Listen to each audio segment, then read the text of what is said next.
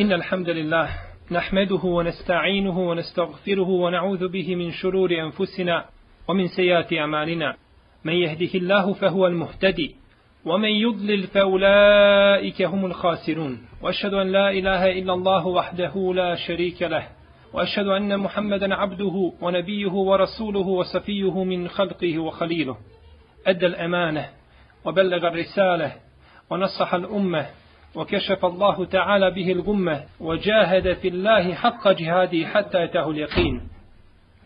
يا أيها الذين آمنوا اتقوا الله حق تقاته ولا تموتن إلا وأنتم مسلمون. يا أيها الناس اتقوا ربكم الذي خلقكم من نفس واحدة وخلق منها زوجها وبث منهما رجالا كثيرا ونساء واتقوا الله الذي تساءلون به والأرحام إن الله كان عليكم رقيبا. يا أيها الذين آمنوا اتقوا الله وقولوا قولا سديدا يصلح لكم أعمالكم ويغفر لكم ذنوبكم ومن يطع الله ورسوله فقد فاز فوزا عظيما.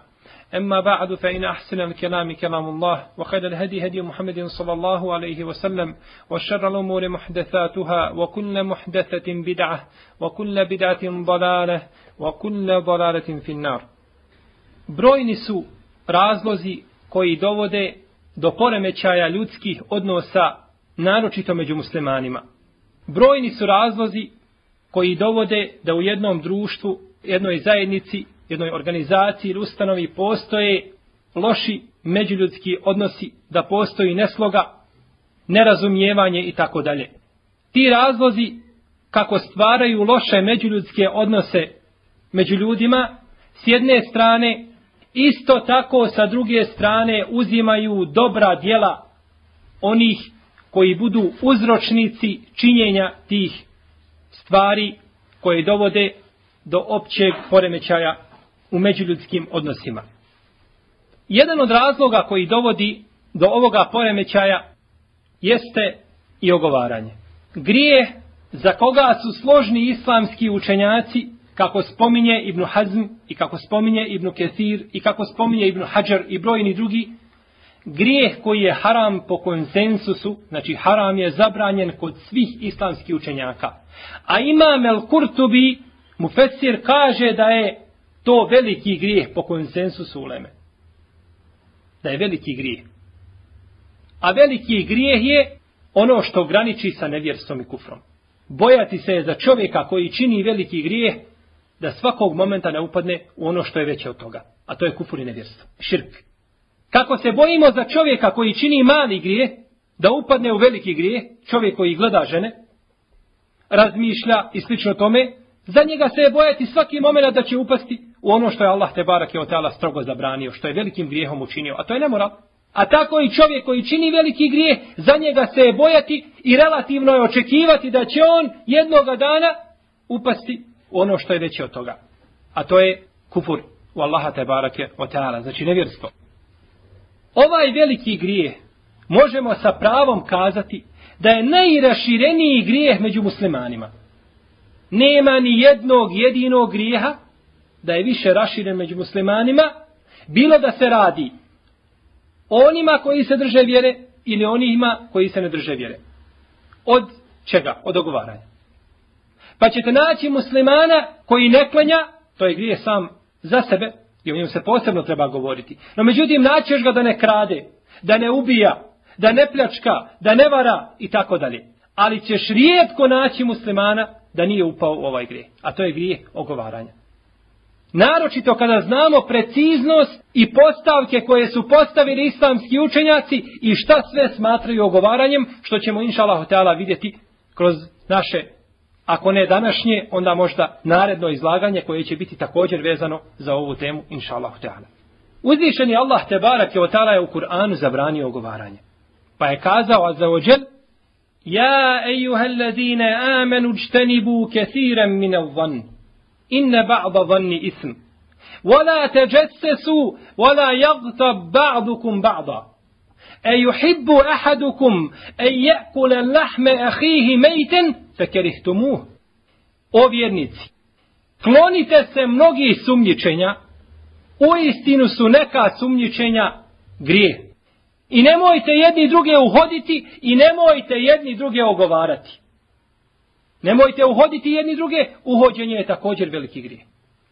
I nemojte jedni druge ogovarati zar bi neko od vas volio da jede meso svoga mrtvog brata? Pogledajte čime uzvišeni Allah te barak je od tala poredio govaranje. Sa jelom mesa mrtvog brata, čovjeka muslimana, umro, počeo se raspadati, ko je spreman da priđe i da jede to meso? E, takav je tretman i tako se tretira ogovaranje kod Allaha te barak je od tala. Bileži imam El Bejheqi u svome sunenu priču Majza, El Eslemija, koga je šeitan prevario pa je počinio nemoral. Pa je došao kod poslanika sallallahu alaihi vseleme i rekao mu, o Allahov poslaniće, ja sam počinio nemoral, očisti me. Da vidite, braće, samo koliki je grije i kako je to ružan postupak da se jede meso, lešine. A po naročito meso ljudsko koje se ne može jesti ni u kom slučaju. Pa kaže Majz, o Allahov poslaniće, ja sam počinio nemoral, očisti me.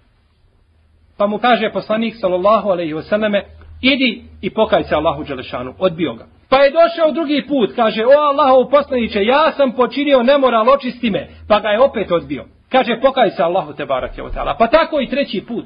Kada je došao četvrti put, upitao ga je poslanik sallallahu alejhi ve selleme: jesi li ti lud? Kaže, nisam o Allahov poslanice." Kaže, jesi li pio alkohol? Kaže, nisam o Allahov poslanice." Kaže, priđi. Pa ga je primirisao poslanik sallallahu sallam, pa nije osjetio od njega da je pio alkohol. Pa je kazao poslanik sallallahu alaihi wasallam, znaš li ti šta je nemoral? Kaže, znamo Allahu poslaniče. Znaš li kako izgleda počiniti nemoral? Kaže, znam. Pa ga je poslanik sallallahu alaihi pitao, je li se desilo to i to, jesi li učinio tako i tako, da se sto posto potvrdi? Kaže, jesam. Pa je naredio poslanik sallallahu alaihi wasallam da ga kamenuju. Kada su ga kamenovali, dva su čovjeka razgovarala, Pa je rekao jedan, pogledajte, kaže ovoga.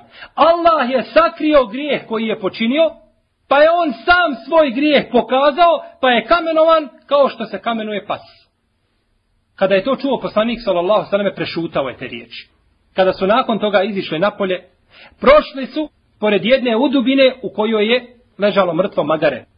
Pa je poslanik, sallallahu sallam, sišao u tu udubinu i digao njegovu nogu i pozvao, kažu, gdje je taj i taj? Kažu, evo nas ovo Allahov poslaniče. Kaže, siđite vamo i kaže, jedite ovo mrtvo meso. Ovu lešinu. Pa su kazali o Allahov poslaniče, a ko to može jesti? Kaže poslanik sallallahu alejhi ve selleme: tako mi Allaha, ono što ste vas dvojica počinili, malo prije je gore od jela mrtvog ovoga magarca ili mesa ovog mrtvog magarata. Tako mi Allaha, kaže poslanik sallallahu sallam, on se kupa i naslađuje se sa dženeckim rijekama. Pogledajte, braćo, kako je ružno da čovjek ogovara svoga vrata muslimana. I da o njemu ružno govori. Majz je došao i tražio da ga poslanik sallallahu sallam očisti od grijeha koga je počinio. Kako da ne traži, kad je Allah te barak je otala za taj grijeh kazao, وعباد الرحمن الذين يمشون على الأرض هونا وإذا خاطبهم الجاهلون قالوا سلاما سدر يتشي الله تبارك وتعالى ولا يزنون ومن يفعل ذلك يلقى إثاما يضاعف له العذاب يوم القيامة ويخلد فيه مهانا I oni koji ne čine nemoral, a onaj ko to bude činio srešće Allaha Đelešanu kao griješnik, takav će imati duplu kaznu na sudnjem danu. I takav će vječno boraviti u vatri džahennemskoj. Kako da ne traži da ga Allah te barak je otala očisti od grijeha za koga poslanik sallallahu alejhi ve selleme kaže u hadisu koga bilježi Ebu Jala imam Hakim sa dobrim lancem prenosilaca kada jedan narod ili jedno mjesto ili jedan grad kada se među njima raširi nemoral i kamata oni su ohalalili i oni su izazvali Allahovu kaznu na sebe kao da su kazali gospodaru naš, sada saspi svoju kaznu na nas i sada nas kazni pravim azabom. I kako da ne traži da ga očisti od grijeha za koga je poslanik sallallahu alaihi wasallam kazao, kada čovjek čini nemoral, iz njegovog tijela iziđe iman, pa bude iznad njega kao jedan oblak. Iza njega stoji kao oblak, dok ne završi sa tim ružnim postupkom. Pa se onda taj njegov iman i to njegovo vjerovanje ponovo vrati u njegovo srce. No međutim, kada je poslanik sallallahu alejhi ve selleme čuo zakon što je Majz radijallahu anhu očišćen od grijeha koga je počinio, kada je čuo tu dvojicu muslimana, kazao je, gore vam je ono što ste učinili od toga da ste jeli, znači, meso ovog mrtvog magarca. Nije dozvoljeno bratu muslimanu da dira u čast i hurmet svoga brata. Nije u kom slučaju. Pogledajte samo slučaj koji je zabilježio imam Ebu Davud u svome sunenu od Aisha radijallahu ta'ala anha sa dobrim lancem prenosilaca. Kaže da je Safija bintu Hujeji imala devu koja je umrla. A kod Zeynebe su bile dvije deve. Ona je imala dvije deve. Pa je kazao poslanik s.a.v. Zejnebi, daj jednu devu Safiji. Pa je kazala da dam svoju devu toj židovkinji. Tako je kazala. Da dam devu svoju toj židovkinji. Pa je poslanik s.a.v. naljutio se i izolirao se od nje i nije joj prilazio cijeli mjesec Zulhidžet i Muharrem i nekoliko dana mjeseca Safara. Nije nikako prišao. Prekinuo je odnos sa njom zbog čega? Zbog riječi koje je kazala, zar da dadnem toj židovkinji svoju devu. Jer je dirnula u njenu čast. Pa je poslanik sallallahu sallam zbog toga se izolirao i nju zbog toga kaznio. Pa joj znači nije prilazio više od dva mjeseca. Bileži Ebu Šejh sa vjerodostojnim lancem prenosilaca od Amra ibn Al-Asa da je prošao pored mrtve mazge. Pa je kazao svojim prijateljima da neko od vas napuni svoj stomak sa mesom ove mrtve mazge, to mu je bolje nego da napuni svoj stomak sa mesom svoga brata muslimana. E yuhibbu ahadukum e je'kule lahme hihi mejten, fekerihtumu. Zar neko od vas voli da jede meso svoga brata, vi to u istinu mrzite. I bileže Buharija i muslim od Ebu Musa Lešarija, radijallahu ta'ala anhu, da je pitao poslanika, sallallahu alaihi wasallame, koji su to muslimani najbolji? Koji je to musliman najbolji u Allahov poslaniče? Pa je kazao poslanik, sallallahu alaihi wasallame, men selimel muslimune min lisanihi o jedihi. Najbolji musliman je onaj od čijeg jezika i ruke su mirni drugi muslimani. To je najbolji musliman. Jer takav je musliman i na riječi i na dijelu. Ne govori jedno, a radi drugo. Šta znači ovdje? Od čijeg su jezika i ruke mirni drugi muslimani? Znači ne jezijetiš i ne uznemiravaš braću muslimane niti svojim govorom, niti svojim postupcima. Jednostavno, miran od tebe u svakom pogledu. Zato je poslanik sallallahu alejhi ve selleme govorio kako prenosi Seuban u predaji koju bilježi imam Tabarani u Leusatu sa dobrim lancem prenosilaca, da je poslanik sallallahu alejhi ve selleme rekao blago se onobe ili tuba limen meleke lisane. Blago se onome ili tuba džennetsko jedno drvo koje mu pripada u džennetu, onome ko obuzda svoj jezik i ko bude pazio na svoj jezik i koji se zadovolji sa svojom kućom i koji bude plakao nad svojim grijesima koje je počinio. Tuba, neki učenjaci ovo tepsire, da je to drvo u džennetu, a neki kažu tuba znači blago se onome ko znači bude vladao sa svojim jezikom i ko bude gledao znači svoje greške i ko bude gledao svoje propuste. I bileži imam Tabarani u El Kebiru od Abdullaha ibn Mas'uda radijallahu ta'ala anhu da je govorio والذي لا إله غيره ما على ظهر الأرض شيء نحوج إلى طول سجن من لسان Tako mi onoga pored koga drugog Boga nema. Nema ništa na kugli zemaljskoj da je potrebnije da bude u okovima i u zatvoru više od jezika. Ako ima nešto da je potrebno da bude okovano i zatvoreno, to je jezik. To jeste da čovjek što manje priča sa svojim jezikom. Mi sada, inša Allah, govorimo o obavezi čuvanja jezika. A u našem narednom predavanju ćemo govoriti o ogovaranju i propisima nekim koji se vežu znači za ogovaranje. Ali je nužno prije znači govora o ogovaranju da spomenemo neke predaje koje govore o obavezi čuvanja jezika. Jer kada čovjek ne čuva svoj jezik ne može se sačuvati ni ne može se sačuvati ni ogovaranja.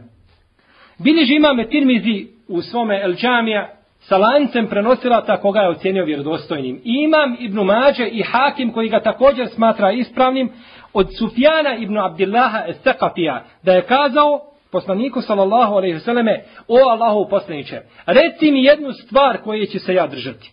Kaži mi jednu stvar koje ću se pridržavati koja će me spasiti. Pa mu je kazao poslanik sallallahu alaihi vseleme reci moj gospodar je Allah potom istraj. Kaži moj gospodar je Allah, potom istraj na pravom putu. Pa mu je kazao Sufjan ibn Abdillah, o Allahu poslaniče, a čega se ti to najviše bojiš za mene? Koja je to stvar koje se ti plašiš za mene? Pa je kazao poslanik sallallahu alaihi wasallame ovo, pa je uzeo za svoj jezik. To je stvar koje se najviše bojim za tebe, ja Sufjan. O Sufjan. Zato, draga moja braćo i cenjene sestre, što ogovaranje i jezik izgaraju čovjekova dobra djela, on ne osjeti. Kada čovjek počini neko ružno djelo, kada prevari, kada ukrade, kada otme, nepravdu učini, on osjeti tegobu u svojoj duši. Jer je to vidno, ljudi ga gledaju i tako dalje. No međutim, kada čovjek ogovara, to je nešto što se ne vidi. Pa to uzima njegova dobra djela, a čovjek i ne osjeti. Pa će biti od onih koji su došli na sudnji dan, kako kaže poslanik sallallahu sallame, Znate li ko je bankrotirao? Ko je propao? Kažu znamo o Allahu poslaniče. Ko nema dinara, dinara i dirhema? Ko nema zlatnika i srebrenjaka? Taj je propao. Kažu nije. Propao je čovjek koji dođe na sudnji dan, a ima puno posta, puno hađa, puno namaza, puno zekijata, puno dobročinstva, puno, puno, puno, ali je ogovorio ovoga, dirno u čast ovoga, potvorio ovoga, udario ovoga, pa kada dođu na sudnji dan, svako uzima svoj dio. Pa kada se uzme od njega, nema ništa više, onda oni svoja loša djela i svoje grijehe stavljaju na njega, pa onda sve to završi u vatri džahenemskoj. E takav je prava propalica. Pa bi bila prava šteta da čovjek znači svojim jezikom uništi sam svoje djela koja je počinio. U drugoj predaji stoji da je Al-Haris ibn Hišam kazao poslaniku sallallahu alaihi vseleme na savjetu ime o Allahov poslaniće Pa mu je kazao Allahov poslanik sallallahu alejhi ve dobro čuvaj ovo pa je pokazao pa je pokazao na svoj jezik. U predaji koju bilježi imam Ahmed i Ibn Ebi Dunja sa dobrim lancem ta od Enesa Ibn Malika radijallahu ta'ala anhu stoji da je poslanik sallallahu alejhi ve selleme rekao la yastaqimu imanu abdin hatta yastaqima qalbuhu ولا يستقيم قلبه حتى يستقيم لسانه ولا يدخل الجنة رجل la je'menu džaruhu bevaiqa. Neće čovjek imati pravi iman dok njegovo srce ne bude u istikametu. Dok ne bude čvrsto u vjeri i u dinu.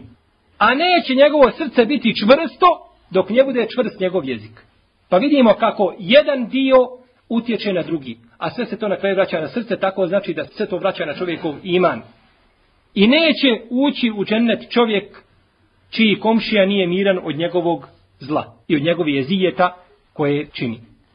Pitao je Muaz ibn Džebel radijallahu anhu poslanika sallallahu alaihi wasallame o dijelu koje će ga uvesti u džennet. Kaže, reci mi o Allahu poslaniće, koje je to dijelo koje će me uvesti u džennet?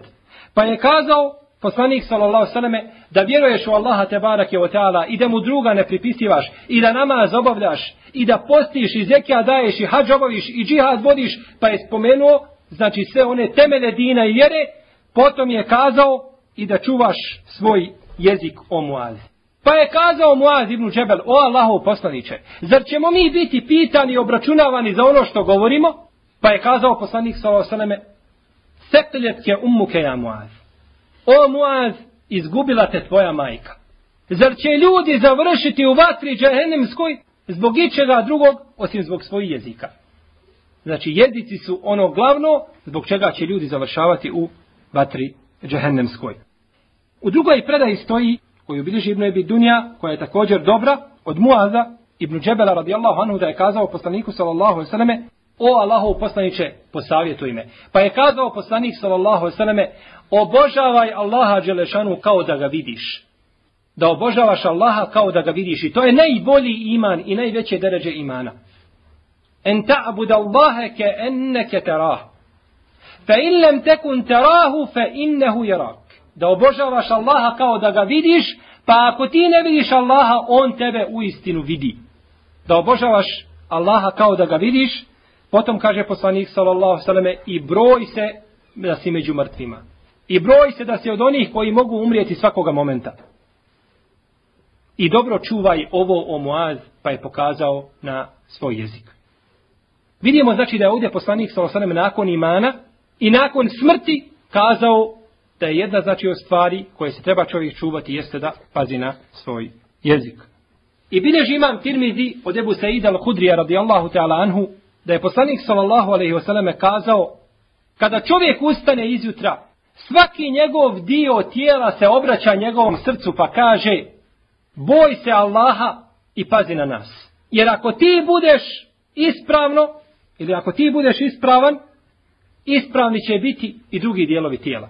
A ako ti, to jeste jezik, budeš neispravan i drugi će dijelovi tijela biti neispravni, to jeste završće u vatri džehennemskoj. I ova se predaja prenosi kao riječ poslanika sallallahu a i kao riječ Ebu Said al-Hudrija i koju je dobro ocjenio šejh Albani. Kaže Ebu Wail da je Abdullah ibn Abbas radijallahu ta'ala anhu jednoga dana se popeo na safu i uzeo za svoj jezik i kazao govori dobro, bit ćeš spašen. I nemoj govoriti zlo, uspjećeš. Prije nego što dođe dan da se kaješ. Pa je kazao, ja sam u istinu čuo poslanika sallallahu alaihi wasallam da je rekao Ekseru hataja bni Adem min lisani. Najviše grijeha sina Ademovog dolazi od jezika. Najviše grijeha koje čovjek počini bivaju njegovim jezikom. Kaže Eslam el Kureši radijallahu ta'ala anhu da je Omer ibn Khattab jednog dana ušao kod Ebu Bekra radijallahu ta'ala anhu a on je izvadio svoj jezik i vuče ga. Pa mu kaže Omer radijallahu anhu prekini Allahov robe šta ti je? Šta činiš to? Pa je kazao ovo će mene upropastiti. Pa je kazao Omer radijallahu ta'ala anhu ovo će mene upropastiti. U drugoj predaji stoji da je Ebu Bekr kazao ja sam čuo poslanika sallallahu alaihi wasallam da je rekao svaki dio čovjekovog tijela se žali na jezik. Svaki dio čovjekovog tijela se žali na jezik. Jer će ti dijelovi tijela ispaštati za ono što je govorio jezik. Pa u tom smislu jeste hadis koga smo prethodno spomenuli, da se svaki dio izjutra žali jeziku i kaže da se boji Allaha Đelešanu zbog znači tih dijelova tijela. Tako je neophodno čovjeku, draga moja braćo, da se prođe onoga što ga ne zanima da ne ulazi u ono što ga ne interesuje. U ono od čega nikakve koristi nema. Jer poslanik sallallahu alejhi ve selleme kaže u hadisu koga prenosi Ebu Horeire, od lijepog i potpunog islama jeste da se čovjek prođe onoga što ga se ne tiče. Da se prođe onoga što ga se ne tiče. Zato je naš telef govorio, onaj ko se prođe onoga što se ne tiče, ili se zaposli s onim što ga se tiče, proći će se onoga što ga se ne tiče. Jer neće imati vremena čovjek koji se zaposli sam sa sobom i gleda u svoje grijehe i u svoje propuste i u svoje loša djela, neće imati vremena da se zabavi sa drugim. Pa da kaže ova je ovakav, a ona je onakav. Od jednog prethodnika se bilježi, kako spominje Ibn Abi Dunja u svome dijelu, Kitabu Samt, da je kazao, ima jedna stvar koju tražim već 20 godina ne mogu je naći. 20 godina tragam za tom stvari, ne mogu je naći. Ali kaže, nisam prestao da je tražim. I tražit ću je do kraja života. A to je da kaže šutim i da se ne zanimam za ono što me se ne tiče. Znači nije jednostavno čovjeku da ostavi i da se tek tako prođe onoga što ga se ne zanima. No međutim, to je muđaheda. I to je musabara. I čovjek znači treba ustajati tome da sam odgaja svoju dušu, da ne ulazi u ono što ga ne zanima. Jer ako ne uđe u ono što ga ne zanima, nije pogriješio. Ali ako uđe, velika vjerovatnoća znači da će, da će pogriješiti. Pogledajte samo hadis koga je zabilježio imam Ebu Jala od Enesa ibn Malika radijallahu ta'ala anhu, u kome se navodi da je jedan ashab preselio na Uhudu. Pa je došla njegova majka nakon što je preselio i počela brisati prašinu sa njegovog lica. I viće mu, blago ti se, džennetlio, ti si sada u džennetu. Pa joj kaže poslanik sallallahu alaihi wasallame, a otkud ti znaš da je on u džennetu? Otkud ti znaš? Na osnovu čega zaključuješ? Možda je on govorio ono što ga se nije ticalo, pa nije u džennetu. Preselio na Allahovom putu, kao borac, kao šehidno. Međutim, kaže, možda je on govorio ono što ga nije zanimalo. Pa neće, znači, završiti tamo gdje bi ti željela da on završi. E u tome, braćo, smislu jesu riječi poslanika, sallallahu alaihi wa alihi wa sallame, men samete neđa. Onaj ko šuti, taj je uspio. Jeste li ikada vidjeli čovjeka koji šuti da se je pokajao? Jeste li niste? Čovjek koji šuti, nikad se neće pokajati. Ima naravno mjesta gdje čovjek ne smije šutati, to je drugo. No međutim, čovjek koji općenito šuti, on se nikada neće pokajati. Pokaje se onaj što govori. Jer čovjek vlada sa svojom riječju sve dok ne iziđe iz njegovih usta. A kada iziđe iz njegovih usta, tada ta riječ vlada sa njim. I ona je tada njegov vladar. Bileži Ibn Ebi Dunja u svome dijelu je samt od Sulejmana ibn Davuda, znači poslanika, sallallahu alaihi vseleme, da je govorio, ako su riječi od srebra, kaže, onda je šutnja od zlata. Ako su riječi od srebra, onda je šutnja od zlata. A Ebu Imran el Džauni je govorio, jezik čovjekov je kao pas. Ako ga pusti na sebe samoga, poješće ga. To jeste upropastit će sva njegova dobra djela i svešće Allaha te barake od tala bez jednog dobrog djela. Vidimo na osnovu ovih predaja koje smo spomenuli, draga moja braćo, da je čuvanje jezika jako pohvalno. S jedne strane i da je pustanje slobode jeziku sa druge strane jako pogrna stvar koja čovjeka može dovesti u vatru džehennemsku. I azen billah. I zato je naš Selef govorio da je teže čovjeku da čuva svoj jezik od toga da čuva svoje dinare i svoje dirheme. O svoj, da čuva svoj metak. Jer je to materija kojom čovjek može vladati. I zna i vidi je, ali znači dijela svoga jezika ne vidi. Pa onda može upropastiti svoja dijela da i ne osjeti. Znači čuvanje jezika je osnovni sebe i razlog da čovjek se klone ogovaranja i da se prođe ogovaranja. Iako ogovaranje se može manifestirati ne samo jezikom, može se manifestirati i sa rukom, i sa nogom, i sa drugim dijelovima tijela, i sa glavom, i sa očima i tako dalje.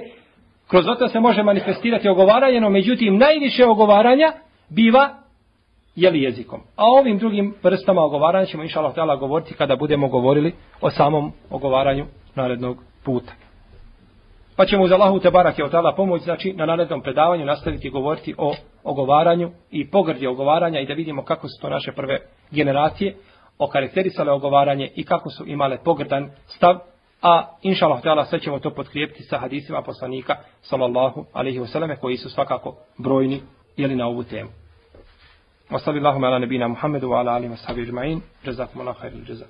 Ko neko ima pitanja, može pitati. Pitaj.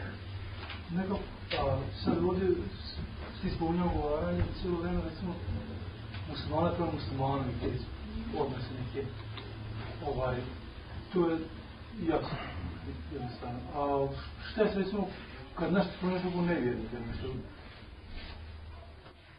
spominje se, znači što se tiče nevjernika, tu je propis znači da se spominje po potrebi.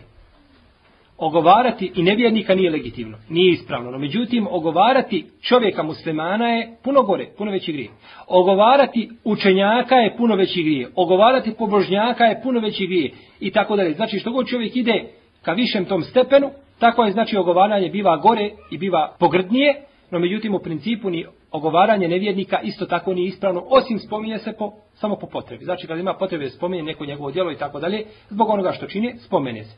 U principu, ako nema koristi nikakve, onda se neće govoriti o njemu. Jer čovjek koji da sebi za pravo da ogovara nevjernika i da priča loše o muslimanima koji su daleko od islama, a možda i nisu muslimani, onda će sebi vremenom dati pravo šta? Da ogovara i muslimana. Pa će to znači uzeti sebi kao mu, put, kao most, znači da pređe da upadne znači ono što je grče i gore od toga. Pa tako znači da čovjek neće ogovarati ni ovoga ni onoga osim kada ima potrebu i kada postoji znači razlog da se može čovjek spomenuti, o čemu ćemo ako Bog da inša Allah posebno govoriti, kada je to dozvoljeno da se ogovori čovjek, znači musliman. Yes. Govoriš neke stvari o njemu, on je tu.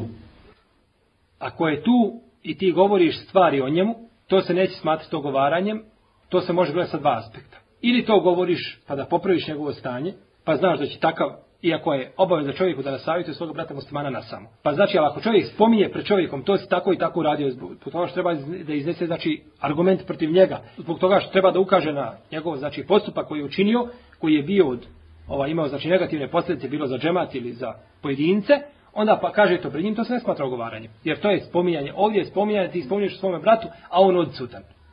E, to je ogovaranje. To je ogovaranje. A ovdje bi se ovo moglo smatrati da ga osramotiš kao što rekao imam šafija, kada nasavjetuješ muslimana ili čovjeka na samo, ti si ga nasavjetovao. A kada ga nasavjetuješ pred ljudima, onda si ga obrukao. Onda si ga osramotio, jer to nije znači savjet. Ali u svakom slučaju neće se tada smatrati ogovaranje ako kažeš pred čovjekom. Jes. Moglo bi znači u tome slučaju isto biti vrijeđanje. Da ga uvrijediš tako time, da, a neće ulaz znači skupinu znači to ogovaranje. Ovdje pitanje sa bratom pričamo o nekim negativnim dijelima koje je počinio naš imam i naš odbor u džematu. Je li to opravdano? Ako pričaš sa bratom da mu kažeš naš imam je učinio to i to ili džemat to i to nekorektno postupili i tako dalje, da bi taj brat otišao kod odbora ili kod imama da ga upozori na grešku, jeste opravdano. Jer to se smatra da se pomogne musliman da se nasavjetuje, znači da se ukloni zlo koje je prouzrokovano njihovim postupcima kontrolisanim ili nekontrolisanim nije bitno. Znači ako je cilj iz toga da se popravi stanje jeste opravdano. Ali samo ako se priča da se samo zna, a od toga nikakve nema koristi, onda nije opravdano. Ili ako kažeš svome bratu da bi ga upozorio na zlo koje je uistinu rašireno, onda je to znači opravdano opet. Na primjer, džematski odbor u jednom džematu zabrani određenoj skupini ljudi da dolaze u džamiju. I kažu ako dođe ovdje čovjek, bit će svašta. I toga se dešavalo, jel? I onda sada dođe brat tvoj i hoće ići u tu džamiju i ti mu kažeš nemoj, džematski odbor je donio takvu odluku, oni tako i tako govore. To nije ogovaranje. Jer tada spriječavaš da ne nastane veće zlo. Znači, ta priča ima svoj plod. No, međutim, ako bi ta priča bila samo priča kao priča, hajde nešto pričamo, da ubijamo vrijeme, imamo ga previše, pa ne znamo o čemu ćemo govoriti, pa hajmo od imama do odbora, onda to svakako nije opravdano. Znači, gleda se kakav je rezultat i kakva je korist od te priče. Kako postupiti kada o nekome ružno govoriš, a on to nije čuo, pa se pokaješ, da li si dužan tražiti halala? Islamski učenjaci kažu, kada se čovjek pokaje od ogovaranja, imaju šartovi, znači, za tu teobu. Prvi šart je da prestane, znači, da se klone toga grijeha. Drugi šart je da se pokaje iskreno zbog toga što je činio. I treći šart je da odluči iskreno da se više nikada neće vratiti na to. Ovo su tri uvjeta koja vrijede za opću te obu. Znači da čovjek da se da prestane činiti taj grije. Mora prestati. Mora se pokajati za to što je činio i mora čvrsto odlučiti da se nikada više neće vratiti na taj grije. Jer ako nema bilo kojega od ova tri šarta ne vrijedite oba. Te oba bi bila tada samo prividna. Da ne kažemo lažna. Ne bi bila prava te oba. Kada imaju ova tri šarta, To je znači dokaz da je te oba ispravna. I četvrti šart neki islamski učenjaci postavljaju kada ti uzmeš pravo od svoga brata muslimana. A to je da moraš tražiti od njega halala da te on oprosti.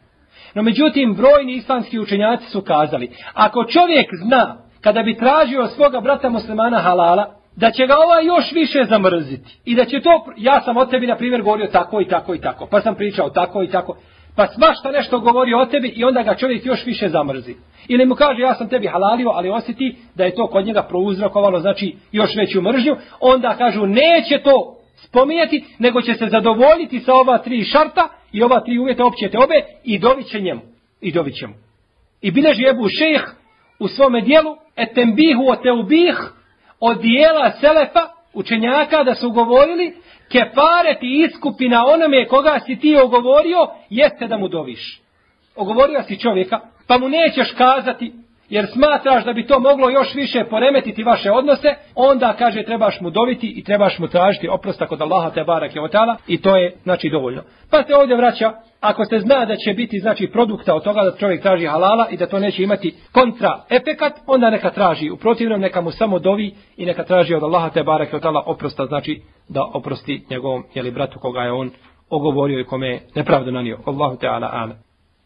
Ovdje pitanje, jedan brat ne klanja namaz u vremenu, iako može, jer ja klanjam. A on klanja kada dođe u stan pred sami akšam.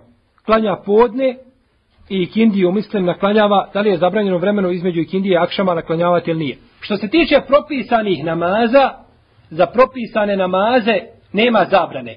Kada se čovjek sjeti propisanog namaza, mora ga odmah klanjati. Kada čovjek ustane i nije klanjao ikindije i sunce je počelo da zalazi, on ne čeka, odmah ide i klanja ikindiju. To ne vrijedi za propisane namaze. Propisane namaze se moraju klanjati kada se čovjek sjeti. Ustane čovjek i sunce izlazi saba, mora odmah klanjati saba. Ne smije ga odgađati ni malo. Jer to ne vrijedi za propisane namaze. Dovoljno je to što je čovjek počinio grijeha, što je nije klanjao ga u pravom vremenu. I onda ga još nakon toga odgađa još više. Kao čovjek, na primjer, spava i prespava saba. I pogleda kroz prozor, sunce već izišlo tri koplja. U, kaže, ja prespavao saba. Kaže, dobro, kaže, kad sam ga prespao, onda se može do podne, pa se samo preokrene na drugu stranu. To je zabranjeno. Takav je griješan i takav nema sabaha. Takav i se računa od onih koji su ostavili namaz. U istom vremenu mora ga klanjati. To naravno, ako je on sebi stavio sad da ga probudi, kazao Hanumi da ga probudi majci, uzeo za one uzroke koje može dunjalučke, a ako nije, on je pored toga još više griješan. Jer kaže poslanik sallallahu alejhi ve selleme ko zaboravi namaz ili ga prespava, neka ga klanja kada se sjeti, nema mu drugog kepareta i druge iskupine osim toga. To jeste da ga klanja kada? Kada se sjeti. To je jedini put i način da se opravdaš pred Allahom Đeršanu, ja sam prespavao namaz, ne, nisam to ciljao, nisam to imao namjeru, kada si ustao, klanjaj ga u isto vrijeme, iskupio si ga. Nisi ga klanjao u isto vrijeme, ne možeš ga iskupiti, imaš, učinio si najveći grije, što može na zemlji biti, a to je da ostaviš namaz. Tako ovaj brat koji može klanjati namaz u njegovom vremenu, a ne klanja ga, počinio je najveći grije što može biti na zemlji, a to je da ostavi namaz. Ako ga nije klanjao u njegovom vremenu, mogao ga klanjati. I zato jedan dio uleme kažu, takav neće naklanjavati taj namaz. Jedan dio uleme kažu, neće ga naklanjavati. To je mišljenja šehhul islam ibn Tejmije. Drugi kažu, hoće ga naklanjati. Nije bitno ovo li ono, u svakom slučaju nije mu dozvoljeno nikako da ostavi namaz u njegovom vremenu mora ga klanjati, jer je time počinio najveći grijeh što može biti. Čak neka ulema zbog takvih grijeha izvode čovjeka iz vjere.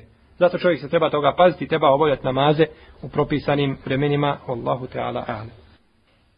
Pitanje glasi da mu je jedan brat musliman rekao, gdje si bosanac?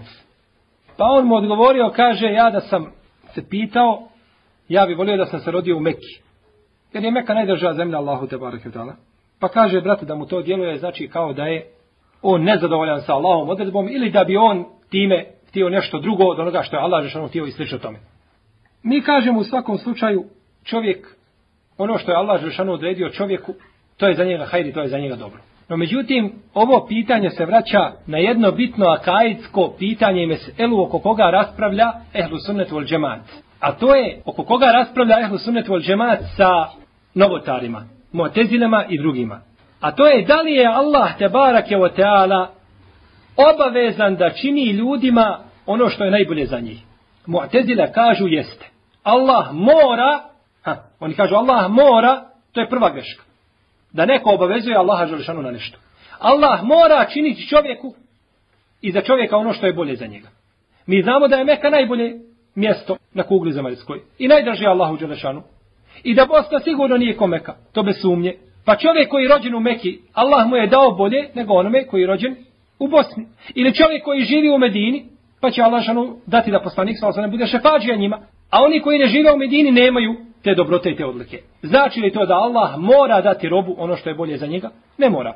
Allah što daje svakome ono što želi i ono što hoće i ne može niko obavezati Allaha te barake od Kada je jedan Mu'tezila kazao tako da mora Allah što učiniti za čovjeka ono što je najbolje, kazao mu je jedan učenjak, dobro kaže, imaju tri brata i jedan odraste i čini dobra djela i bude pravi mu'min i preseli, Allah ga te barake od uvede u džennet. A drugi čini loša djela, nepokoran i uđe u džehennem. A treći umre kao dijete, pa dođu na sudnji dan kod Allaha te barake otala.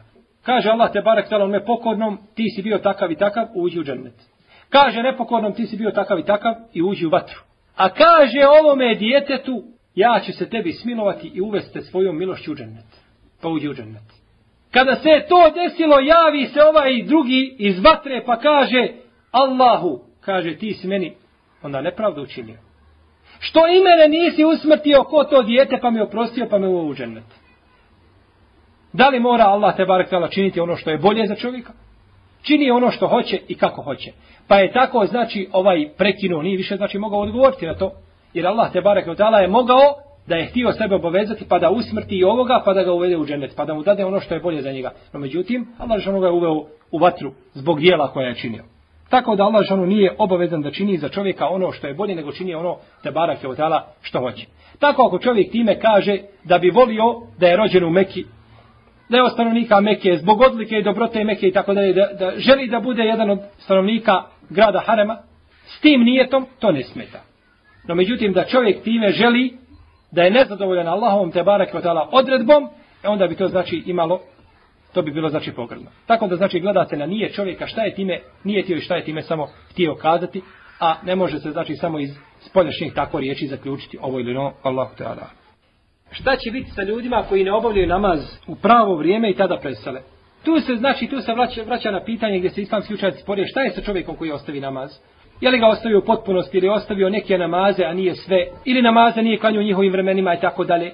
U svakom slučaju čovjek koji dođe pred Allaha Đelšanu bez namaza, takav je prava propalica. Taman se radilo jednom namazu, taman se radilo jednom rekiatu. Takav je propao. Takav je veliko dobro izgubio i takav je Allahu srđbu protiv sebe izazvao.